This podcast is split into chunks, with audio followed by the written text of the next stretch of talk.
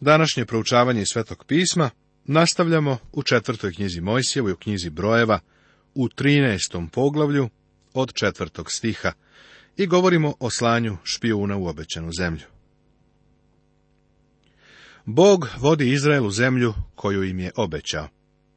Ova molba za uhodama špijunima otkriva nedostatak njihove narodne vere. Oni se ne pouzdaju u Boga. Bog je tamo već bio i prošao je tom zemljom znao je sve o njoj. On ih ne bi poslao u tu zemlju, da nije znao da je mogu zauzeti. Kada su konačno ušli u zemlju, divovi su i dalje tamo bili. Svi problemi i nevolje su još uvek tamo bili, ali su zemlju na kraju ipak zauzeli. Kakva je ovo divna poruka za nas danas? Da li stvarno živimo u veri? Naravno da treba da budemo oprezni, ali postoji vreme kada naš put treba da predamo gospodu. Predaj gospodu put svoj i uzdaj se u njega, on će učiniti, kaže psalam 37. Ti i ja u našem životu treba da dođemo na mesto kada ćemo naš put predati njemu i u potpunosti se pouzdati u njega.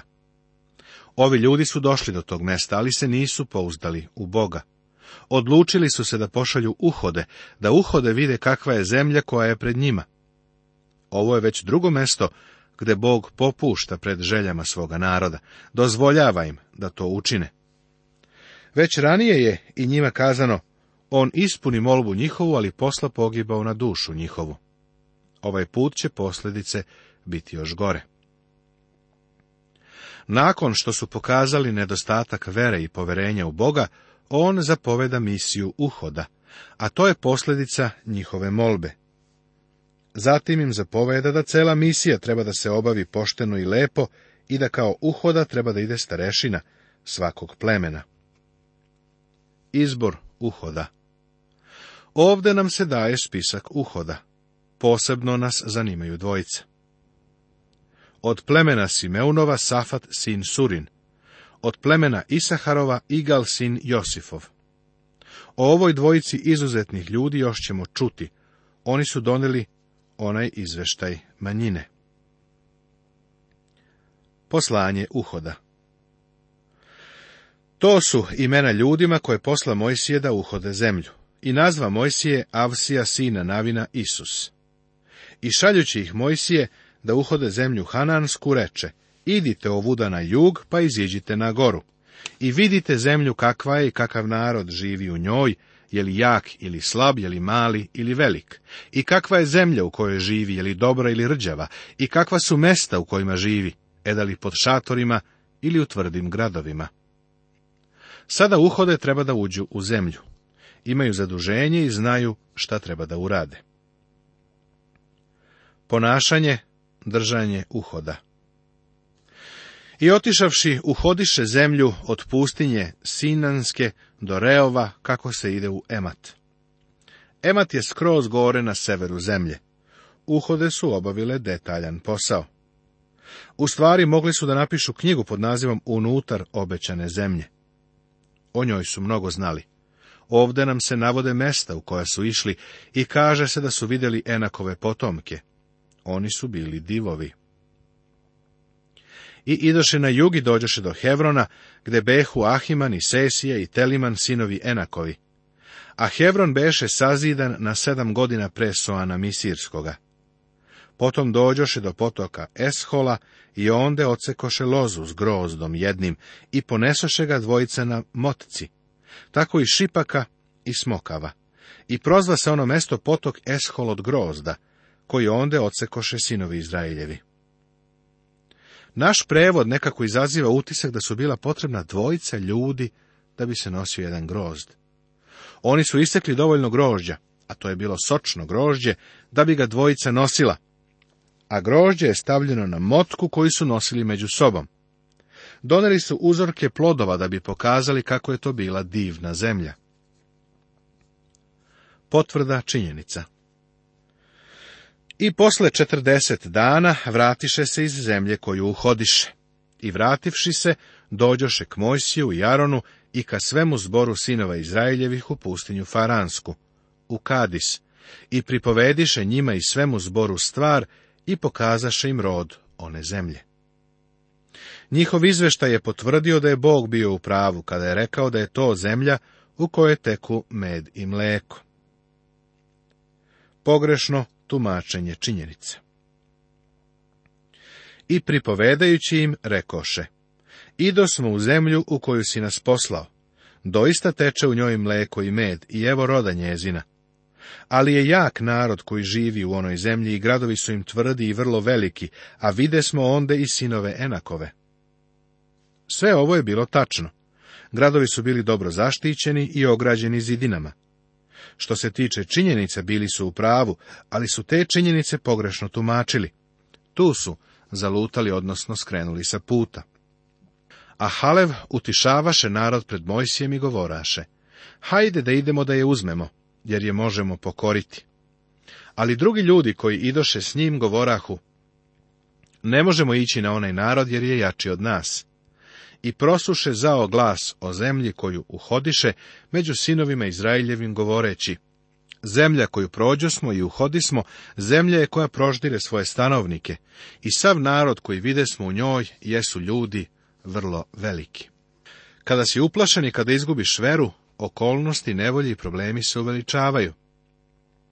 Čine se većima nego što stvarno jesu. Tamo je bilo divova, ali su ljudi mislili da su veći nego što jesu. Izgledali su veći, jer su se ovi ljudi plašili. Kakvo nam zanimljivo poređenje ovde daju? Divovi i skakavci. Znaš li šta su izostavili? Zaboravili su da uključe Boga. Sebe su kao skakavcu poredili sa divovima. Tako su sami sebe videli. Iz slike su izostavili gospoda. Da su samo njega uključili, kakva bi to drugačija priča bila. Ispravno tumačenje činjenica Amalik živi na južnoj strani. A Heteji i Jevuseji i Amoreji žive u planini, a Hananeji žive na moru i na Jordanu. Ovo je izveštaj manjine. Halev je izrekao svoj izveštaj, ali su ga ostali ljudi opovrgavali. Jedino se Isus Navin složio sa Halevom. Tako sada imamo celu sliku. Izveštaj je na osnovu činjenica bio tačan, ali postojala su dva različita mišljenja u tumačenju činjenica. Izvešte manjine je bio, hajde da zauzmemo zemlju, u stanju smo da to učinimo. A većina je dala ovakav izveštaj, ne možemo to učiniti. Narod je poverovao u izveštaj većine. Nisu verovali da mogu zauzeti zemlju, jer im je nedostajala vera u Boga. Poglavlje 14. Tema Izrael zbog nevere odbija da uđe u obećanu zemlju. Izrael je sada došao do trenutka odluke. Moraju odlučiti da li hoće ili neće da uđu u zemlju. Vidimo da Izrael odbija da uđe. Razlog za to je njihova nevera. Biblija je svoj najbolji komentar, tako da pisac poslanice jevrejima to na najbolji način izražava a na koje se srdio četrdeset godina, nije li na one koji su zgrešili i čiji su leševi popadali u pustinji, a kojima se zakleo da neće ući u njegov mir, ako ne onima koji su se pokazali neposlušni. I vidimo da nisu mogli da uđu zbog neverovanja. To je treće poglavlje poslanice Evrejima. Njihova nevera ih je sprečila da uđu u obećanu zemlju. Izrael odbija da uđe u zemlju. Tada se podiže sav zbor i stade vikati i narod plakaše onu noć. Baš su dobro podigli viku te večeri. I vikahu na Mojsija i na Arona svi sinovi Izraeljevi, i sav zbor reče im, kamo da smo pomrli u zemlji Misirskoj ili da pomremo u ovoj pustinji. Mišljenja sam da su siroti Mojsije i Aron u ovom momentu želeli da su umrli tamo u pustinji, samo da bi se oslobodili od stalnih pritužbi naroda. Zašto nas vodi gospod u tu zemlju da izginemo od mača, žene naše i deca naša da postanu roblje? Nije li bolje da se vratimo u Misir? Njihov umni i duševni život je u tako lošem stanju da govore naše žene i deca će postati roblje. Decu koriste kao izgovor, pretvarajući se da brinu za bezbednost svoje dece, a u stvari ovo je samo njihovo razmišljanje i prebacivanje Bogu. Oni ovim govore da Bog ne brine o tome šta se dešava sa njihovom decom. A znaš li ko je ušao u tu zemlju? Baš ta deca, sledeći naraštaj. Stari su tamo sedeli i kukali i govorili kako razmišljaju o sigurnosti svoje dece. U stvari, Bog je brinuo za bezbednost dece i uveo ih je u obećanu zemlju.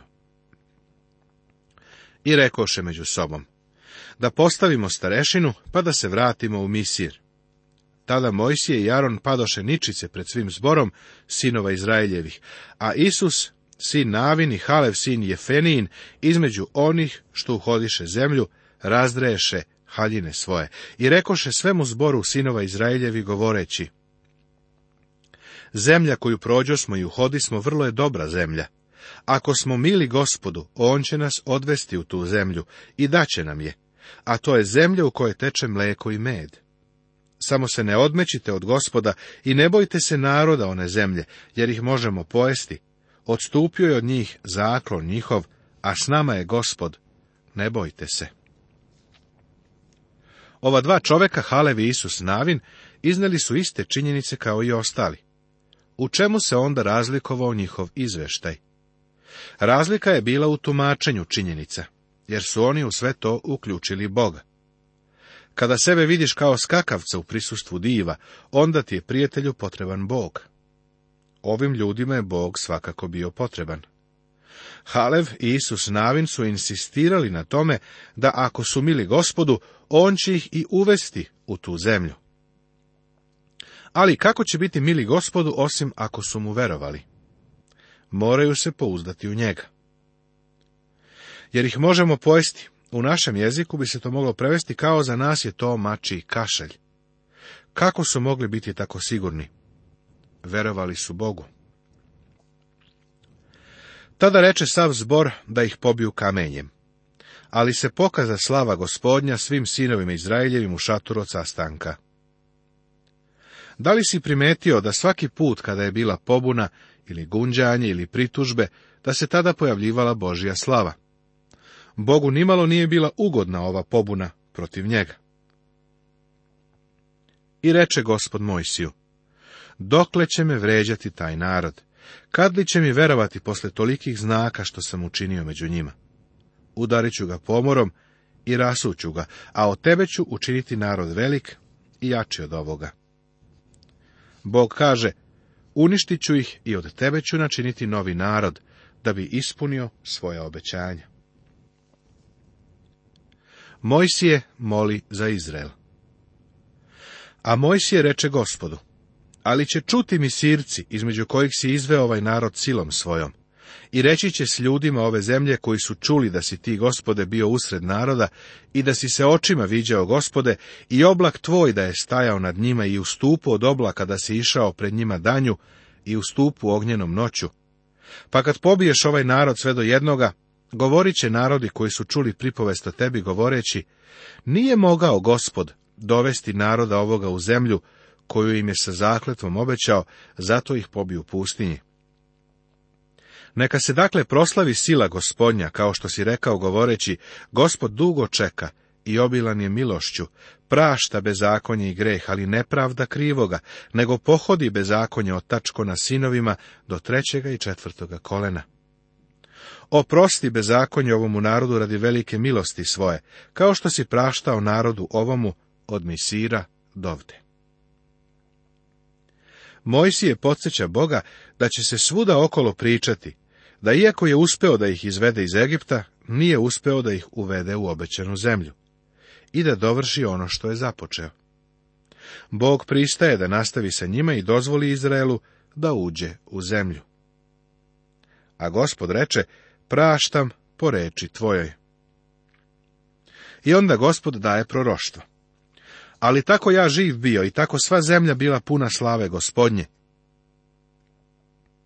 Pošto je Bog izveo Izraelci iz Egipta i uveo ih u obećanu zemlju, tako će Bog dovršiti plan koji je imao za tebe i mene kad nas je spasao. I ispunit će plan na kome sada radi za celu zemlju, jer dolazi vreme kada će se cela zemlja ispuniti slavom gospodnjom. I dalje Bog nastavlja. Ti ljudi koji videše slavu moju i znake moje, što sam učinio u Misiru i u ovoj pustinji, i kušaše me već deset puta i ne poslušaše reči moje, neće vidjeti zemlje koji sa zakletvom obećanih ocima njihovih. Neće vidjeti ni jedan od onih kojima uvrediše, a slugu svojega Haleva, u kom beše drugi duh i koji se sasvim mene držao, njega ću odvesti u zemlju u koju je išao i seme će njegovo naslediti. Na decu Izraelovu je pao sud, kazna. Generacija koja je gunđala neće ući u obećanu zemlju. Isus Navin i Halev su jedini koje Bog izdvaja iz naroda. Bog im obećava da će oni ući u zemlju i Bog to obećanje ispunjava. U ovoj će pustinji popadati mrtva telesa vaša. I svi između vas koji su izbrojeni u svem broju vašem od dvadeset godine i više, koji vikaste name. Nećete ući u zemlju, za koju podigav ruku svoju zakleh se da ću vas naseliti u njoj, osim Haleva, sina Jefonina i Isusa sina Navina. A decu vašu, za koju rekoste da će postati roblje, njih ću odvesti i oni će poznati zemlju za koju vi ne marite a vaša telesa mrtva će popadati u ovoj pustinji. Njihova deca, za koji su rekli da Bog za njih ne brine, bit će bezbedno uvedena u zemlju koju su oni prezreli. A deca vaša bit će pastiri po pustinji četrdeset godina i nosit će kar za preljube vaše, dokle ne ispropadaju telesa vaša u pustinji.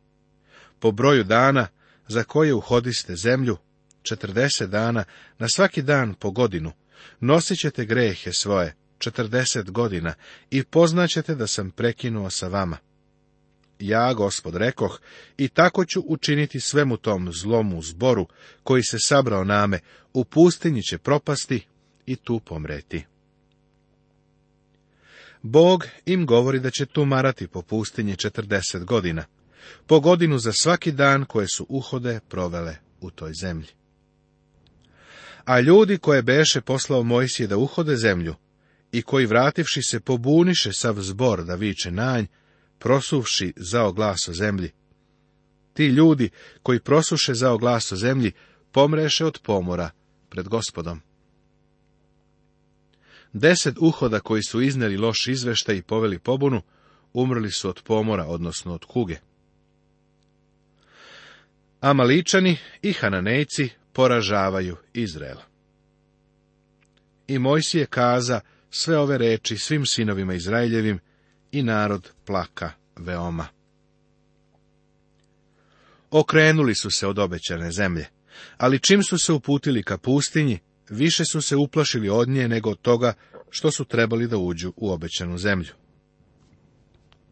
A sutradan, ustavši, pođoše na vrh gore i rekoše, evo nas, idemo na mesto za koje je govorio gospod, jer zgreši smo. Ali Mojsije reče, zašto prestupate zapovest gospodnju? Od toga neće biti ništa. Ne idite gore, jer gospod nije među vama, nemojte da vas pobiju neprijatelji vaši. Svoju priliku su popustili. Nisu htjeli da uđu u obećanu zemlju kada je Bog to želeo. Sada bi se usudili i drznuli da ipak uđu. Ovo je pretpostavka ili samouverenost ili drskost, ali vera nije sve to. Oni opet više vole da idu svojim putem nego Božijim. Bez podređenosti Božjoj volji nema ni pobede. Ali oni ipak navališe da idu na vrh gore. Ali kovčeg zaveta gospodnjega i Mojsije ne izađoš iz okola. Tada siđe Amalik i Hananej, koji življah u onoj gori, i razbiše ih i baciše ih Dori do Orme. Poglavlje 15. Tema Neuspeh Izraela odlaže Boži blagoslov, ali ne uništava Boži cilj. Vidjeli smo da su kod Kadis Varneje Izraelci stigli do mementa odluke. Kao što znaš, za sve nas u životu odluke su teške. Ovo naročito važi za hrišćane. Mnogo puta dolazimo do raskrsnice i više ne znamo kojim putem da krenemo. Ali ovom narodu je bilo kristalno jasno kojim putem treba da idu. Sreli su se sa sljedećim izborom, da verom uđu u zemlju ili da se u neveri vrate u pustinji. Doneli su pogrešnu odluku i vratili su se u neveri. Međutim, kada su ugledali pustinju, predomislili su se i rešili da obećana zemlja sa svojim gradovima ograđenim visokim zidinama i sa divovima ipak nije tako loša u poređenju sa pustinjom. I tako su pokušali da uđu u obećanu zemlju. Ovo nije bila odluka vere, bila je to samo odluka zasnovana na njihovom iskustvu, stečenom kroz dve godine koje su proveli u pustinji. Ali pretpostavke i nagađanje su opasne isto koliko i nevera. Prijatelju, moramo biti krajnje oprezni i vidjeti da li se krećemo po veri ili po pretpostavci. Negdje između njih nalazi se Božija volja. Važno je da se provede vreme u čekanju na gospoda i da se otkrije šta jeste Božija volja. Nastavit će se.